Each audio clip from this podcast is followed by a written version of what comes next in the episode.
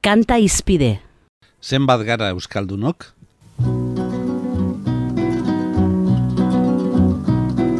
Zenbat gera, lau Zenbat gera? Lau, bat, iru, bost, zazpi, alase dio Benito Lertxundiren garai bateko kanta ezagunak.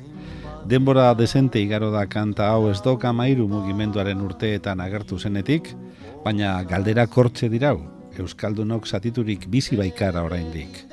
Gure kantagintzak maiz heldu dio lurraldetasunaren gaiari, zatiturik egonagatik ere, herri bat bera garela aldarrikatuz.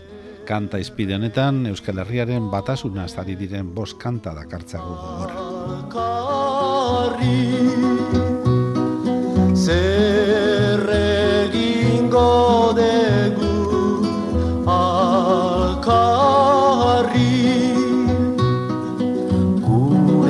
Asmoak esperantzak Grazian Adema Saldubi Lapurtar idazleak, mila sortzireon da larogeita mairuan idatzitako bertsoak entzungo ditugu segidan.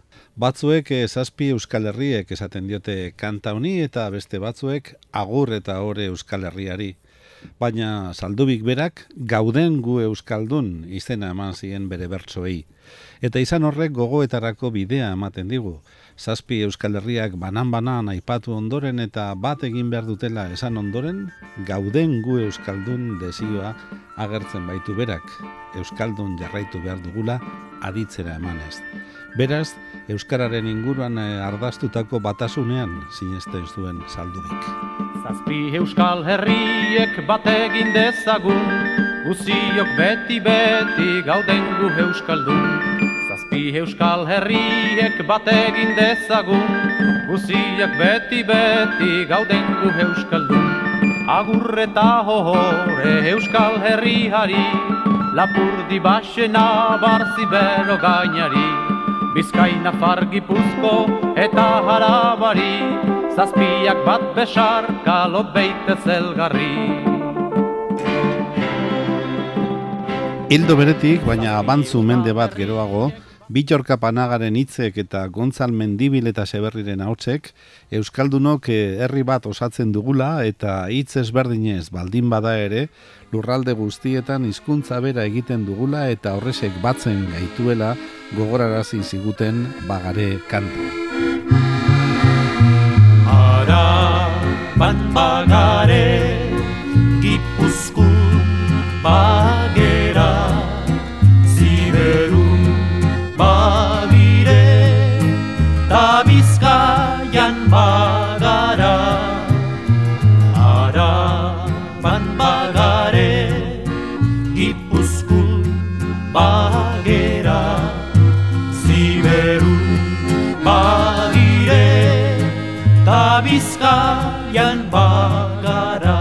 baita ere lapurdita navarra guztiok gara euskaldun guztiok Gure herriaren zatiketa eta iparraldearen eta hegoaldearen arteko muga politikoa ere sarri askotan agertu izan dira gure kantugileen lanetan. Eta denek eh, muga politiko faltsu hori ezabatzaren alde egin dute, naiz iparragirrek, emeretzigarren mendeko izkera politiko okerrean, endaiatik soraturikan Espainiako lurrak ikusten omen zituen. Ezagunenetariko bat eta bai nabarietako bat ere, Niko etxarten muga gainetik eh, kanta dugu. Musikari zuberotarrak ez du inon Espainia eta Frantzia ikusten, muga guztien gainetik eta azpitik eskualerria ikusten du berak. Muga gainetik eskualerian, muga bestaldetik eskualerian, nunda ordin Frantzia, nunda Espainia, mugatik bi aldetan beite eskualeria. Mugatik bi aldetan beite eskualeria. Barda izan izala, bestala irrunia. Koldo izagirrek, tapiak eta leturiak aritmetikaren ikuspegitik begiratu zioten lurraldetasunari. Euskal Herriak orain duen egoera eta berez beharko lukeena alderatu zituzten, gure herriak zenbat lurralde, euskaldun, gobernu, aukari eta arazo dituen galdetuz, eta hobe lukela hoien guztien erdiak izatea erantzunez.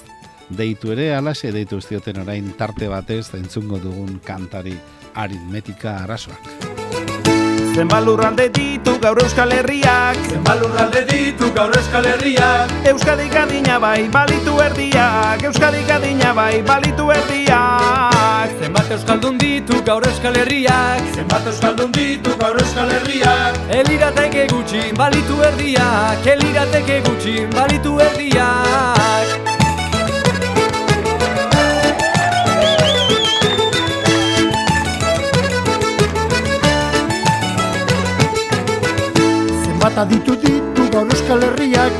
Zenbat ditu ditu gaur Euskal Herriak. Ez ote luke hobe balitu erdiak Ez ote luke hobe balitu erdiak. Zenbat aukari ditu gaur Euskal Herriak. Zenbat aukari ditu gaur Euskal Herriak. Herritarreko bosna balitu erdiak. Herritarreko bosna balitu erdiak.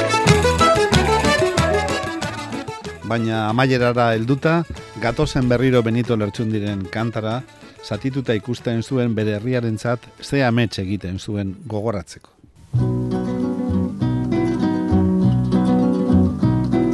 Zenbat gera lau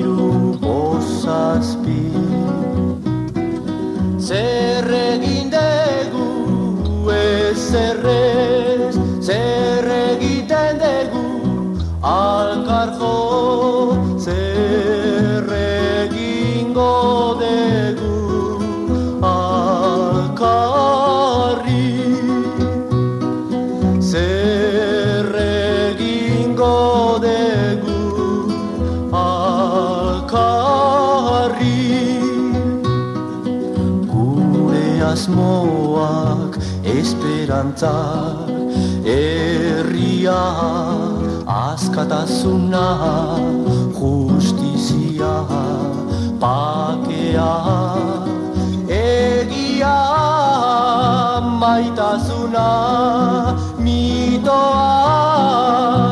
itzutzak